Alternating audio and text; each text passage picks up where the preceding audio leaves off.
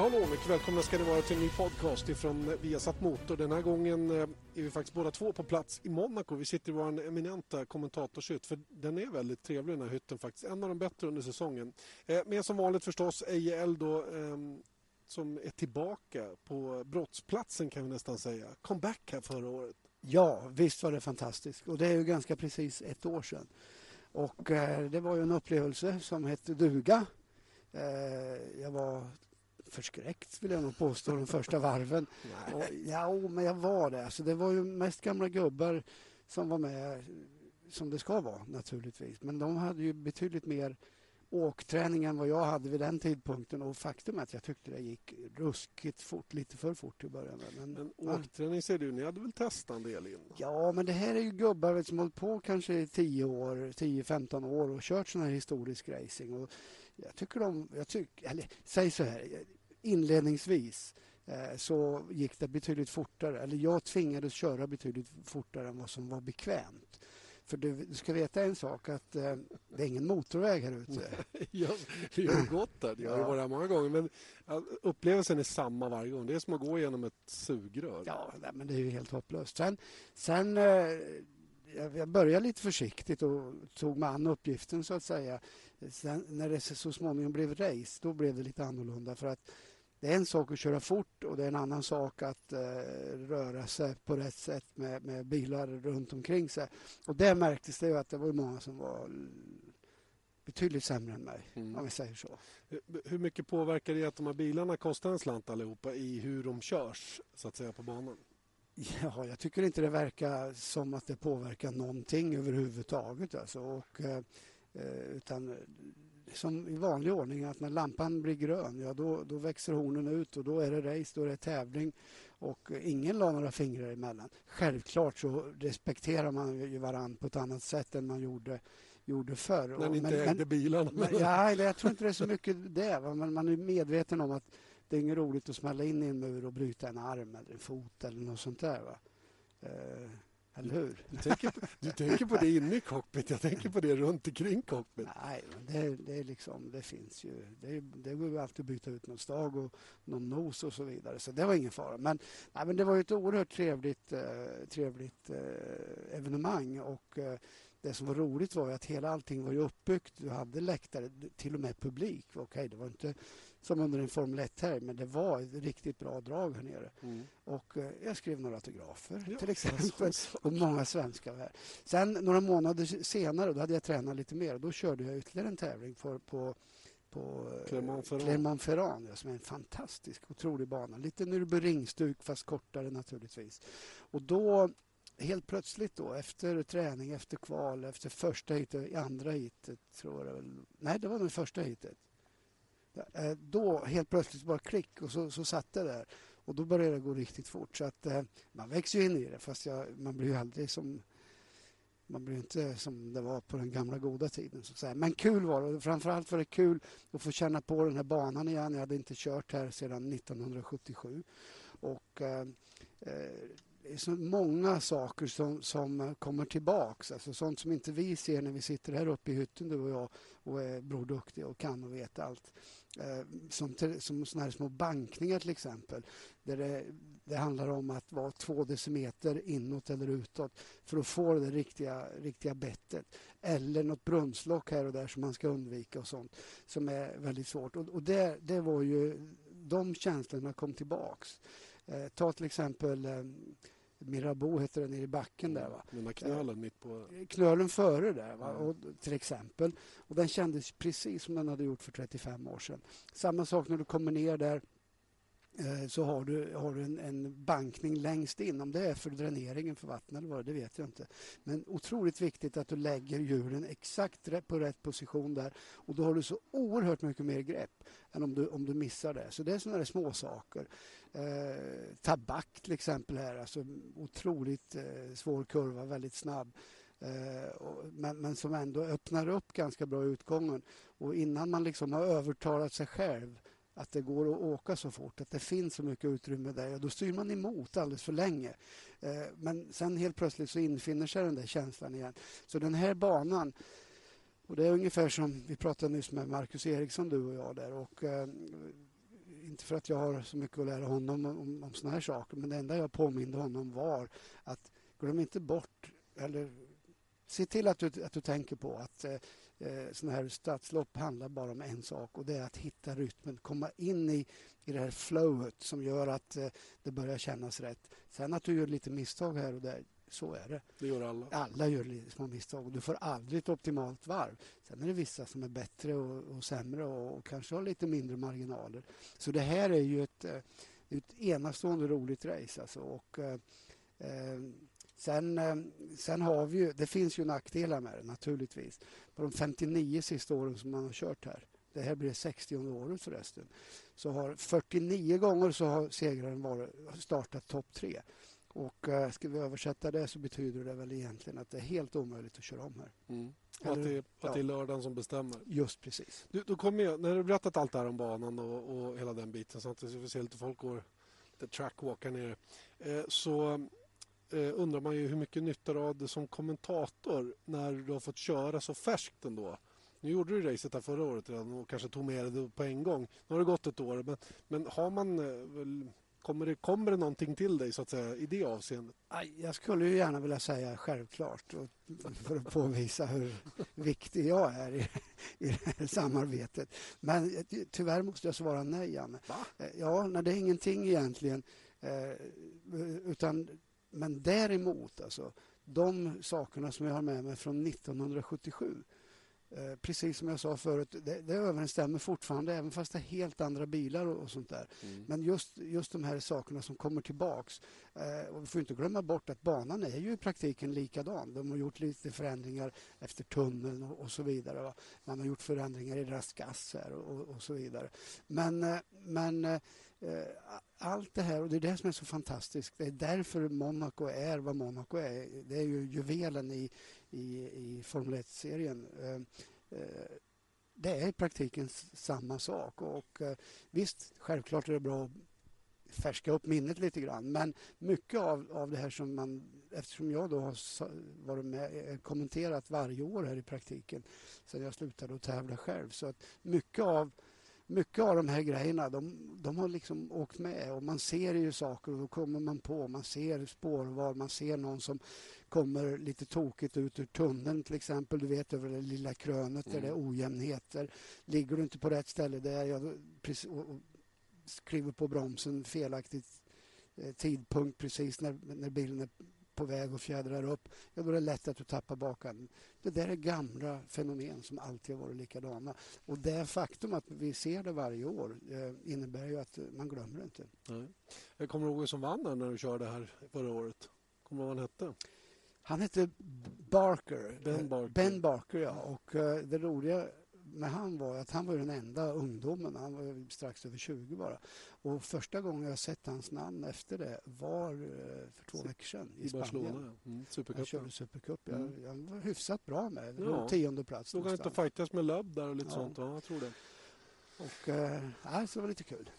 När man tittar på Monaco genom åren då, du, du säger själv då att du har kommenterat i princip varenda år härifrån sen, sen du slutade köra. Har du några, är det några speciella race där som du minns? Ja, Michael Schumacher när han kraschade fruktansvärt nere i Raskas under kvalet. Det glömmer jag aldrig. Ja, men det var inget kul minne. Har du inget roligt minne? ja, roligt minne. Det, jag tycker det är bra race här. Alltså, eh, överhuvudtaget. Och, och eh, ja, intressanta race åtminstone. Jag har ett speciellt som jag kommer ihåg. Alltså, nästan... Titta på 1996. 96, men det var länge sedan. Mm. Du. 96, Oliver Panis, ja just det. Han, eh, han eh, förbättrar ju den där statistiken som vi nyss nämnde. Han, han är den senaste tror jag som har vunnit från...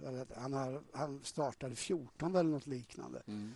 Eh, så att eh, det var ju, men det var ju ett väldigt konstigt race alltså med, eh, som började i blött tror jag och torkade upp. Eller om det var tvärtom, men det var i alla fall växlande förhållanden. Och det var för övrigt den enda segern han har tagit någon gång. Mm. Så att, ja, det var lite intressant. Ja, det var det verkligen. Och Salo åkte ett helt race utan att tanka till exempel den gången. Just precis, i en, mycket... en Tyrell då. Ja.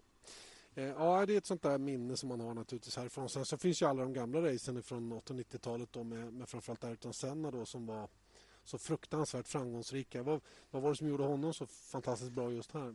Jag skulle vilja säga att eh, det var nog det han gjorde innan han eh, satte sig i bilen och körde. Fokuseringen, noggrannheten, eh, förberedelserna och hans otroliga skärpa när det gällde och målmedvetenhet. Alltså det, det, var bara det att det här ville han vinna första gången och när han hade gjort det, ja, då ville han, han, han ville bara han ville mer än någon, någon annan. Mm. Och, men återigen då så kommer jag ju kanske bäst ihåg, eller jag kommer ihåg ett race när han körde en Toolman. Om det var första gången han var här, när han åkte ikapp ledaren, vem det nu var, om det var Prost eller någon. Eh, och eh, var i praktiken snabbaste bil här och då var det blött också. Så att eh, det kommer jag ihåg. Men jag kommer också ihåg när han kraschade in i högen före tunneln där. Portier eller vad den mm. svängen heter. Eh, och eh, blev så sur så han bara knallade raka vägen upp till hotellet och låste in sig. En annan som eh, valde en liten annan strategi när han hade kört, kört färdigt i Monaco. Fast jag tror inte han kraschade. Eh, jag tror att bilen gick sönder, var det inte så? Kimi Räikkönen som eh, valde att sätta sig bara överkropp på en båt och ta en bira där. Ja, men du, jag hade det förut. Jag, hade, jag, hade, jag kommer ihåg det. Och, och det är ju eh, ett annat sånt där minne som jag har som inte går bort. Alltså, han tyckte det var häftigt att sätta sig och ta en bira där. Och, njuta. Men ja, Kimmy är Kimmy. Eh, svenska framgångar har ju funnits här en del. Ronny vann väl här ett år? Jag tror han vann han i Formel 1? Ja, det tror jag säkert att han gjorde. Det kan vi snabbt kolla eftersom vi har lite statistik på det. Mm, ja, jag men, han vann 1974 i en Lotus. Mm. Han vann även Formel 3-loppet här som var oerhört eh, ärorikt och eh, efter en hård fight med en annan svensk, Reine Wiesel. Det var ju... Ja, det var tider det. Mm. Ett annat svenskt som hade kunnat bli en, en stor framgång här, det var ju Björn Wirdheim när han kom hit och körde. Ja, du skulle inte prata om roliga saker. Ja, men det får Björn tåla tycker jag. Det var lite tokigt där kan man ja, säga vid, vid målgång. Han har väl kommit över det naturligtvis. Alltså, men, eh, så bedrövligt efter att ha dominerat det loppet. Så han körde för Arden, alltså Christian Horner då, mm. som är Red Bull-chef nu. Det var hans manager på den tiden ja, också. just det. Och... Eh, Ja, du kan ju berätta vad som hände. ja, men han skulle ju ta målflaggen här och trodde att eh, mållinjen var tidigare än den var. Så när han svängde runt där så började han sakta av och började vinka till teamet och hej och För de stod ju tidigare än mållinjen och det var de man ville fira med. Ja. Det var bara det att Just. de andra kom lite fort där bakom. Det är ju ett slarvfel som naturligtvis inte det är oförlåtligt. Och är det någonting han är ihågkommen för så är det ju naturligtvis det. Men eh, jag har full förståelse för honom. De stod tidigt direkt efter sista sväng där och alla mekaniker hängde ut och viftade med allt som fanns. Segern var klar, för det var en lätt seger också. Så att... Eh, det blev lite fel om man säger så. Minst sagt. Björn Wirdheim alltså i Formel 3000 den gången. Eh, Marcus Eriksson körde bra förra året, blev tvåa i feature-racet och tror jag blev fyra i sprintracet och gjorde riktigt bra tävling generellt här i Monaco. Visst gjorde han det och uh, han hade ju lite osis får man lov att säga. Osis? Har han haft osis? ja. Där de tvistade lärde. Ja. Um, han, han var ju på pol genom hela kvalet egentligen.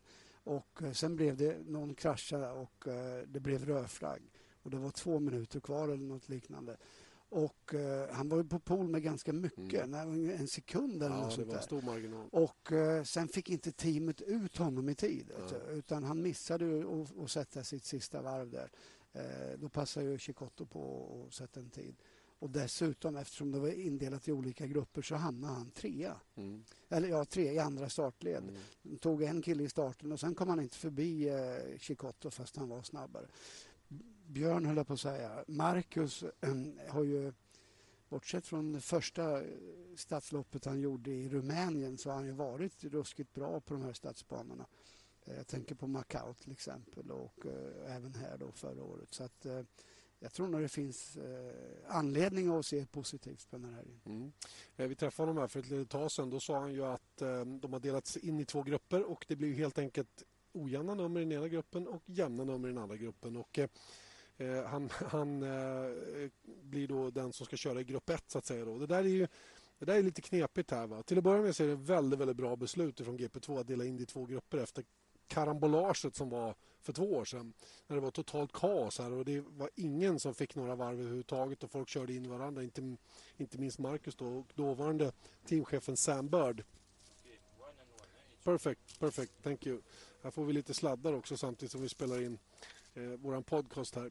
Eh, jo, ehm, det var ju totalt kaos då för två år sedan så då bestämde man efter det då att um, dela in det i två grupper. Och det, det är bra, det är rena för att det är så trångt där och 26 bilar ute samtidigt i en halvtimme. Det, det blir inga rena varv. Eh, men problemet är ju då den ena gruppen som får åka ut först då, de, de får lite, lite sämre förutsättningar, inte så? Ja, det får de ju eftersom eh, de kommer ju kval, eller kommer att köra... Nej, vänta, kvalet pratar vi om, ja. Uh, ja, det får de ju. Ofta så blir ju banan... Jag, vad jag tänkte på var, var träningen imorgon där, där, där Formel 1 bara har gjort ett pass innan. Uh, men uh, jag tror att i träningen så kör man nog allihop tillsammans. Mm, då är det allt, alla poäng. Utan det är ju naturligtvis i kvalet. Och det är klart att banan blir ju alltid, på, särskilt de här stadsbanorna, Eh, som aldrig inte används mer än en gång per år. De blir ju snabbare och snabbare så att förutsättningarna att vara sätta den snabbaste tiden eh, kommer ju naturligtvis ur grupp 2. Samtidigt så eh, ska vi inte glömma bort att de bästa förarna är ju ofta de som har det udda numret i, eh, i, I teamet, respektive team. Mm. Så att det innebär ju att kan han vara snabbast i sin grupp så har han i alla fall goda möjligheter. Sen om han orkar ta pool eller ej, ja, det är väl frågan för. Mm. Det återstår att se så småningom. Eh, kvala gör de redan torsdag eftermiddag då, när vi pratar GP2. Eh, vi sitter och ser på en storbildsskärm nedanför och då ser vi lite grann från racet förra året. Eh, och det var lite speciellt eftersom det blev rödflagg där på slutet. Kommer du ihåg det? Ja, och sen körde man vidare va? Ja, och, och det var ett väldigt, var ett väldigt hallå om man fick lägga på nya däck eller inte. Och det var ju några som hade chansat och gjort en extremt lång avslutande stint.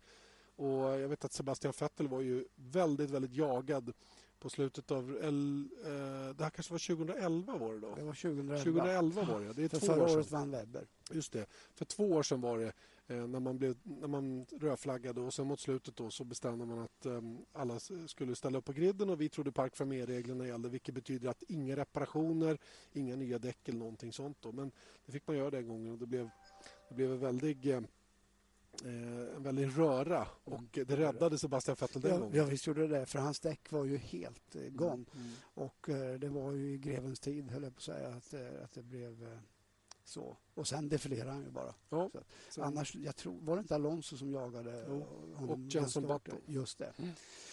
Eh, för övrigt, när vi ändå pratar om Vettel där så kan vi konstatera att eh, Red Bull är ju på jakt efter sin fjärde raka här i Monaco. Eh, Webber vann 2010, eh, 2011 Vettel och förra året så var det Webber som vann igen. Och skulle de ta en fjärde, fjärde seger så eh, kommer de bli lika med McLaren tror jag som har, har just den eh, har, har, den sviten. Mm.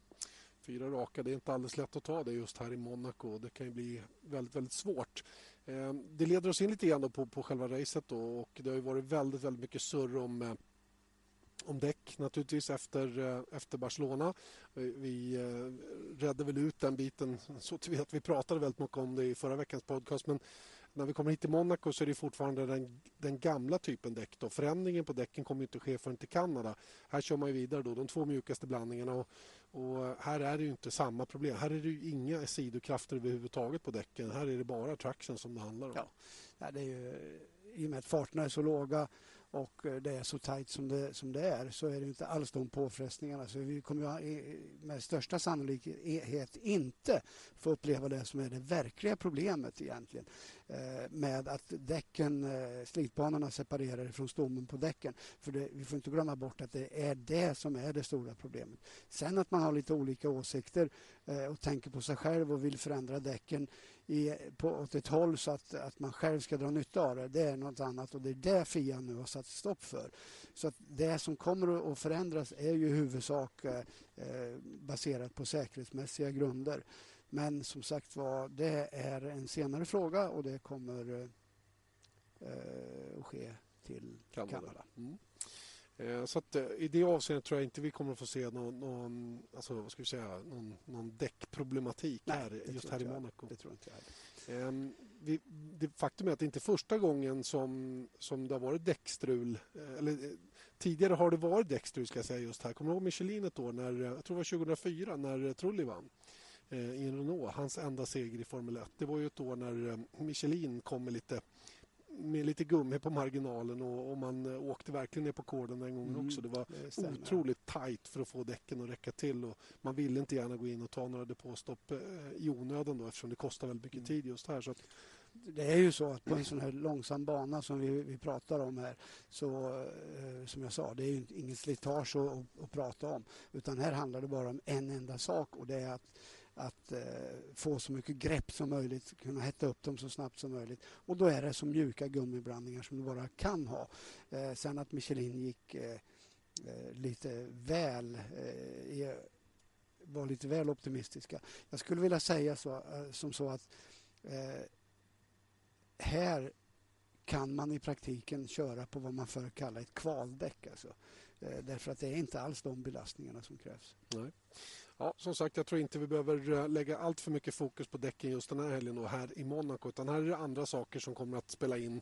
Till exempel att hålla sig hålla sig från barriärerna helt enkelt. Och Det var ju en annan grej som hände för några år sedan. Jag tror det var Alonsos första år i Ferrari möjligen. Mm. När han, han kvaddade på träningen. Före träning tre, före kvalet. Mm. Och det kan ju också få konsekvenser naturligtvis att man sätter en räcke. Man... Ryan Reynolds here from Mint Mobile. With the price of just about everything going up during inflation, we thought we'd bring our prices down. So to help us, we brought in a reverse auctioneer, which is apparently a thing.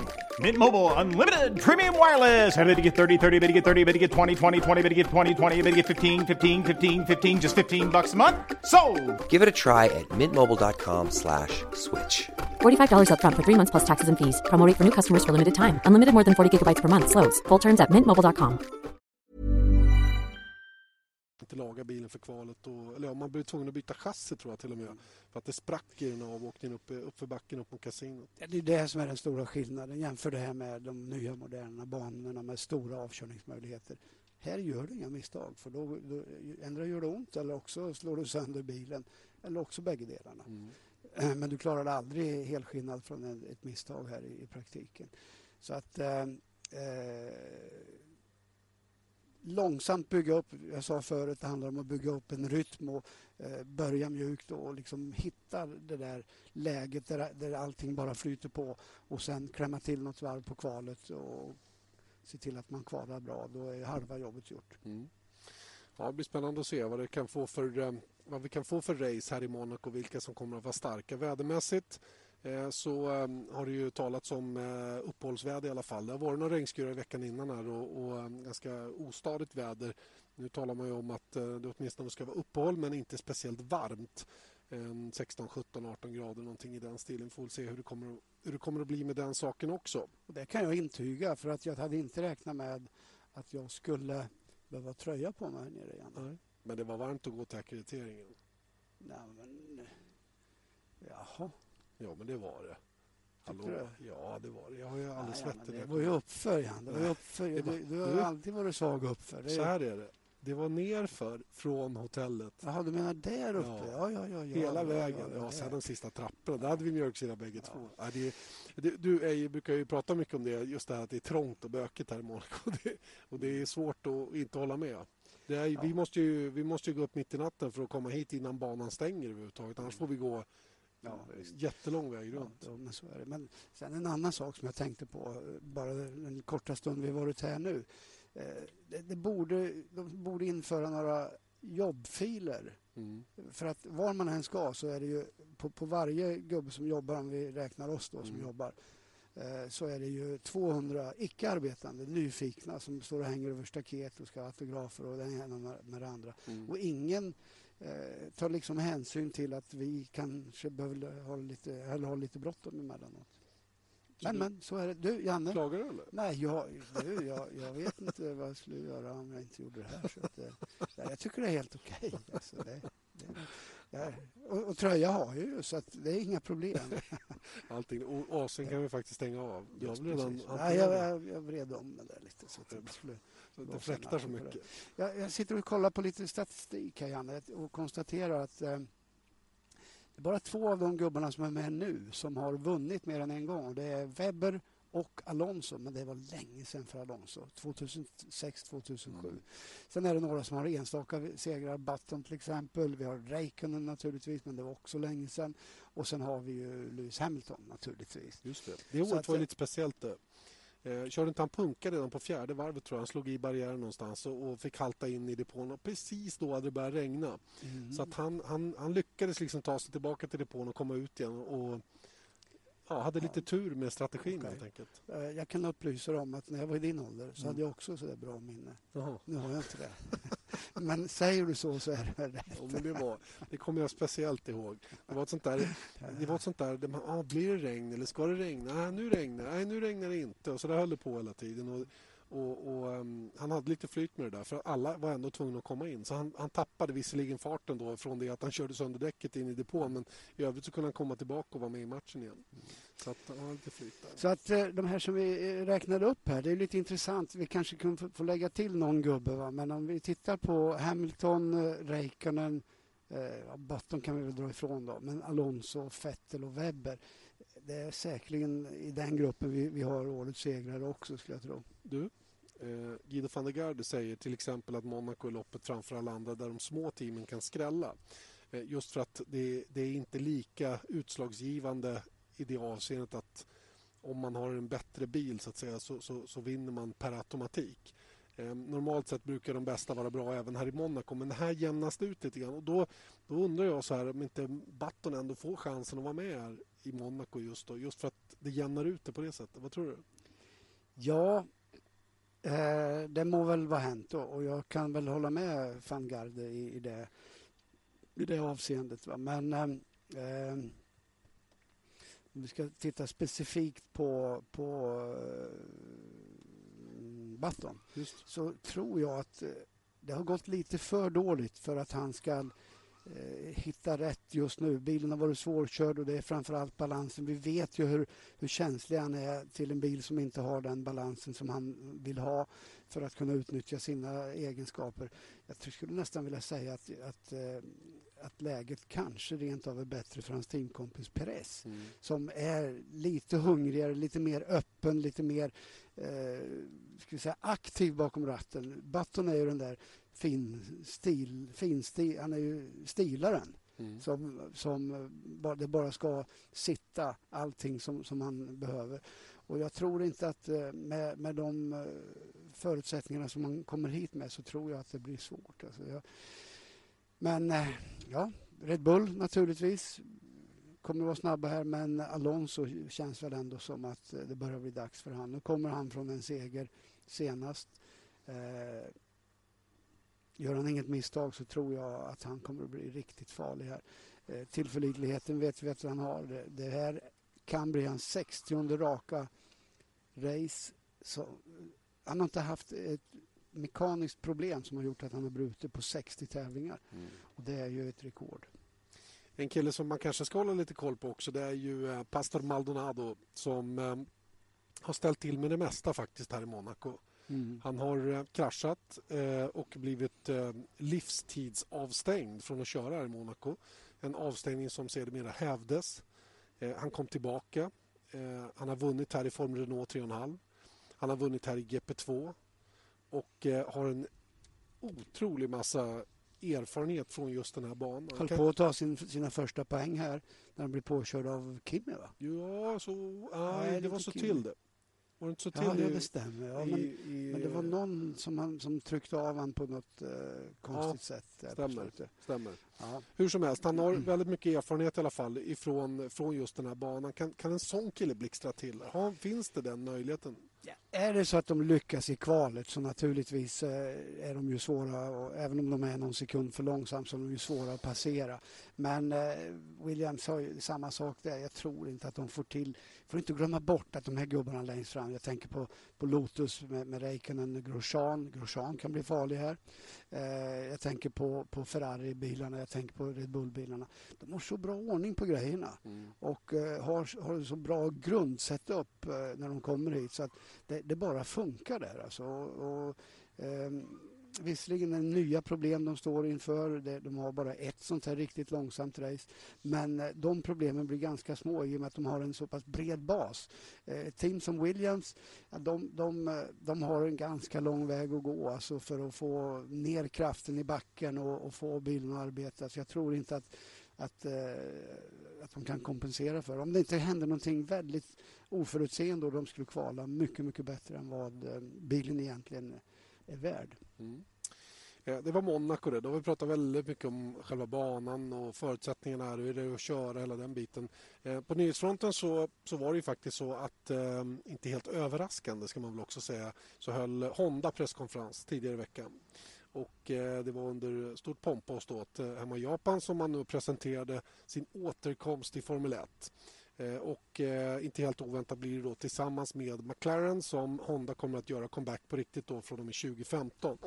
Och eh, de har ju haft ett framgångsrikt partnerskap tidigare, McLaren och Honda just.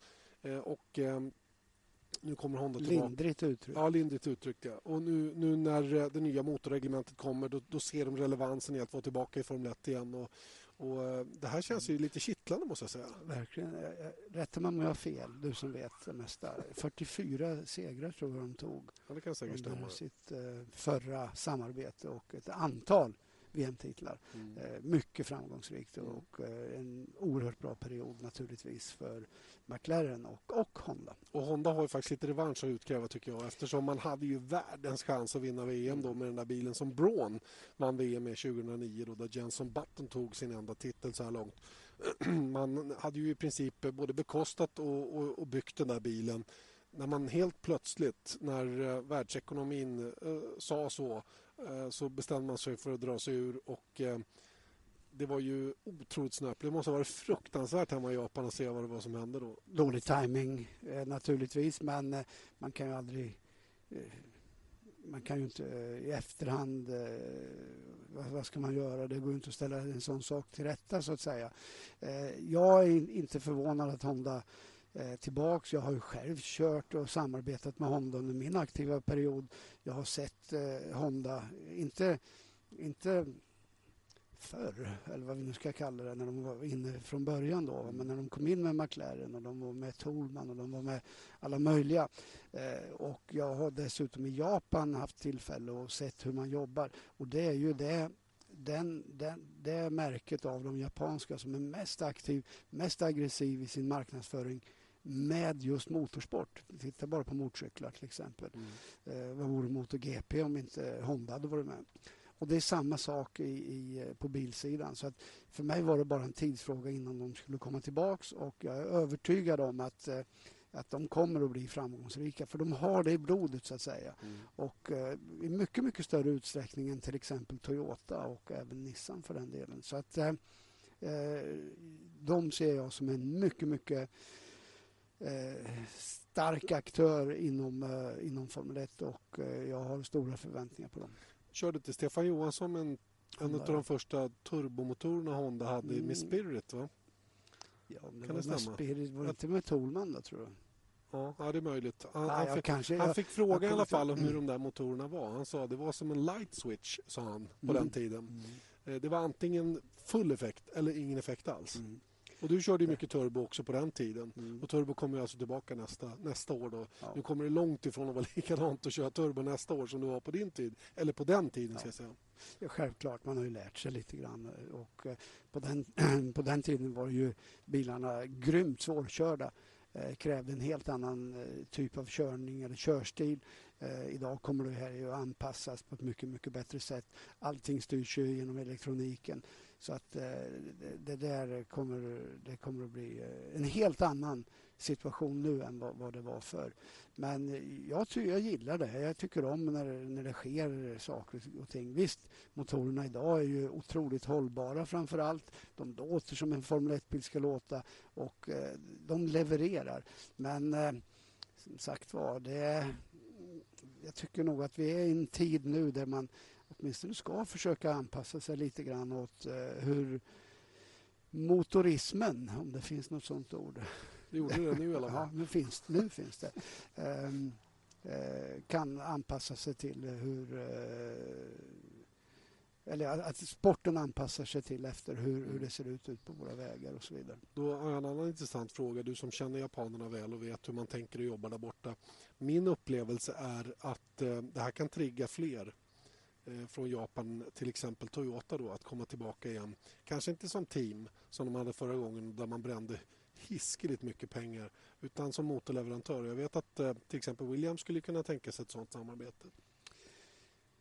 Ja, eh, frågan är väl bara om, eh, om man i Formel 1 har gått tillräckligt långt för att locka de här riktigt stora aktörerna. Inte vet jag. Men eh, jag kan också konstatera att Renault alldeles nyligen har eh, offentliggjort att man kommer att stödja Formula E. Mm, just det. Och eh, kanske det är ett, eh, ett plan som eh, lockar ännu mer hos vissa. Att bygga elmotorer? Ja, jag menar... Jag, jag, tycker nog att det är ganska rätt och lagom det steget som Formel 1 tar nästa år. För man, man, kan inte gå, man kan inte gå för långt. Självklart inte. Utan, eh, Formel 1 måste fortsätta vara Formel 1.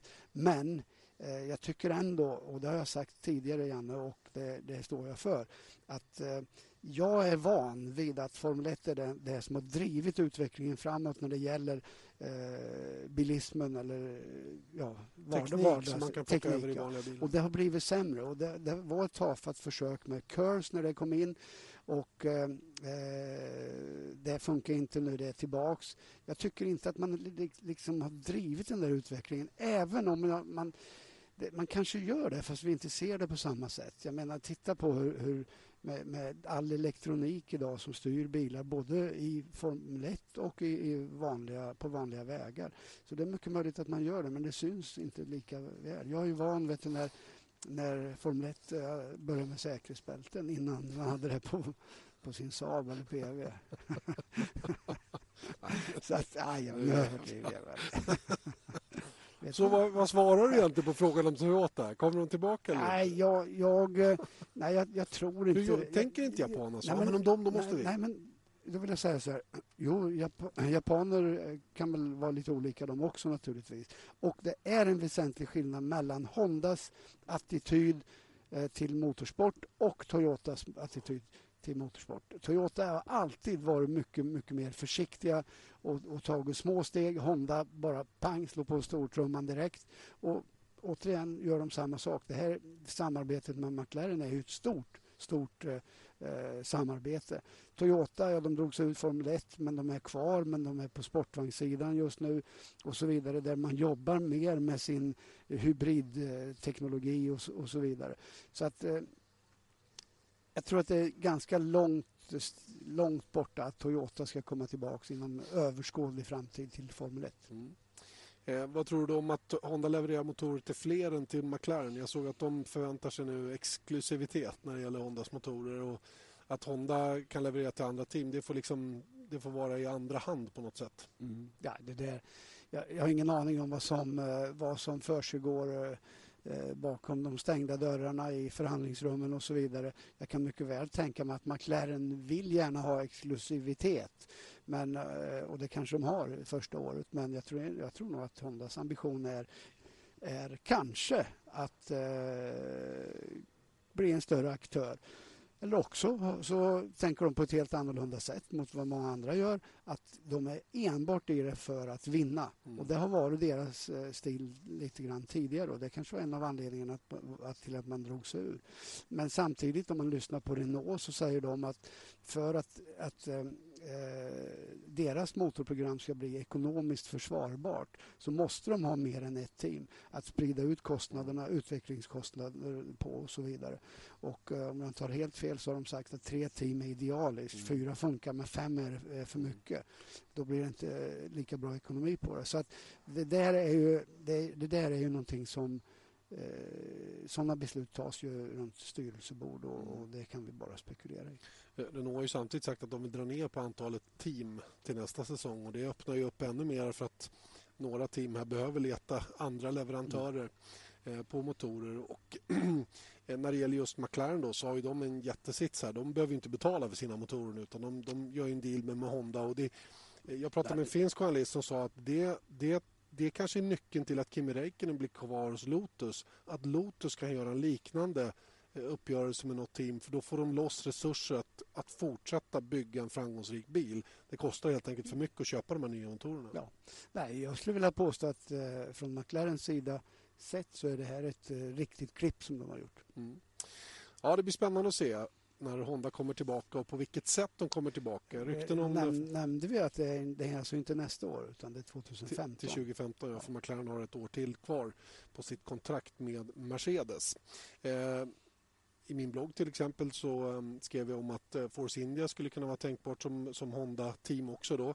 Eh, de samarbetar med McLaren idag som bygger växellådorna till Force India. Vi har Marussia som jag också hörde lite så här i periferin skulle kunna vara aktuella att köra Honda-motorer kanske redan nästa år om de skulle få fram motorer tills dess och vara lite så här försöksteam då åt McLaren. Och även här finns det ett samarbete mellan McLaren och Marussia. Så det är lite sådana grejer som, som eh, cirkulerar lite runt omkring här. Vi får väl se vad, vad det kommer att innebära så småningom när det gäller just de bitarna. Eh, GP2 har vi pratat om. Marcus Eriksson kör eh, den här helgen och eh, eh, det är väl inte så mycket mer att orda om i det avseendet. Vi bara håller tummarna för att det går vägen nu. Att han får en helg som är bra rakt igenom. Eh, det är väl bara det som saknas just nu. För det här med att kvala, det har han ju uppenbart lärt sig så här långt i alla fall med en andra och en första plats i de två senaste kvalen som har körts. Nu är det bara att lyckas på lördagen och söndagen också. I det här fallet då fredag och lördag som man kör just här i Monaco. Jag skulle vilja puffa också för eh, våra speedway-sändningar. 18.25 på söndag. Speedway Extraliga Bydgoszcz mot Gorsov som ni ser live i TV10. Och sen på söndag kväll vi har satt Motor också Nascar och Coca-Cola 600 som också går live på våra kanal. 23.30 på söndag, alltså Nascar som är tillbaka då ifrån Sprint Cup Series. Det var ju All Star Race senast de var i farten. Ja, har du något att tillägga? Ja, vad tippar du då? Ska jag tippa? Du brukar ju sätta mig på pottkanten när det gäller sånt där. Ska jag tippa? Och du får inte basera det på all den kunskap och vetskap som jag levererat under de här minuterna. Utan det här ska vara fritt taget ur din, din balk. Så att säga. Min bank, men den är ju större än din så det löser sig väl. Du, vet du vad? Jag tror att, eh, jag tror att eh, Kimi Räikkönen vinner den här helgen. Jaha, du, det var precis vad jag tänkte säga. Ja, du ser. Du ser. Ja, jag, jag, jag, tror, tror faktiskt han gör det. Ja, Räikkönen... Eh, Räikkönen, Vettel, Alonso och kanske... kanske ja, jag tror Alonso. Ja, du tror Alonso vinner? Ja. ja, ja vi får se. Eh, på söndag eftermiddag vet vi. 13.30 drar vi igång härifrån i alla fall med eh, sändningen inför Monacos Grand Prix. Men följ med på träningarna. Redan morgon torsdag så är det dags för de första träningarna klockan 10. Den första då klockan 2. Den andra träningen. De ska ni absolut inte missa. Vi startar ju fem minuter innan med vår sändning då, precis som vanligt. Eh, och sen är det uppehåll på fredag bara GP2 så det är racing både torsdag, fredag, lördag och söndag den här helgen. Så att det blir lite extra mycket av det goda just härifrån Monaco. Nu tackar vi för oss från denna podcast och säger på återhörande om en vecka när det gäller podcast. Alltså. Annars hörs vi i helgen. Hej då!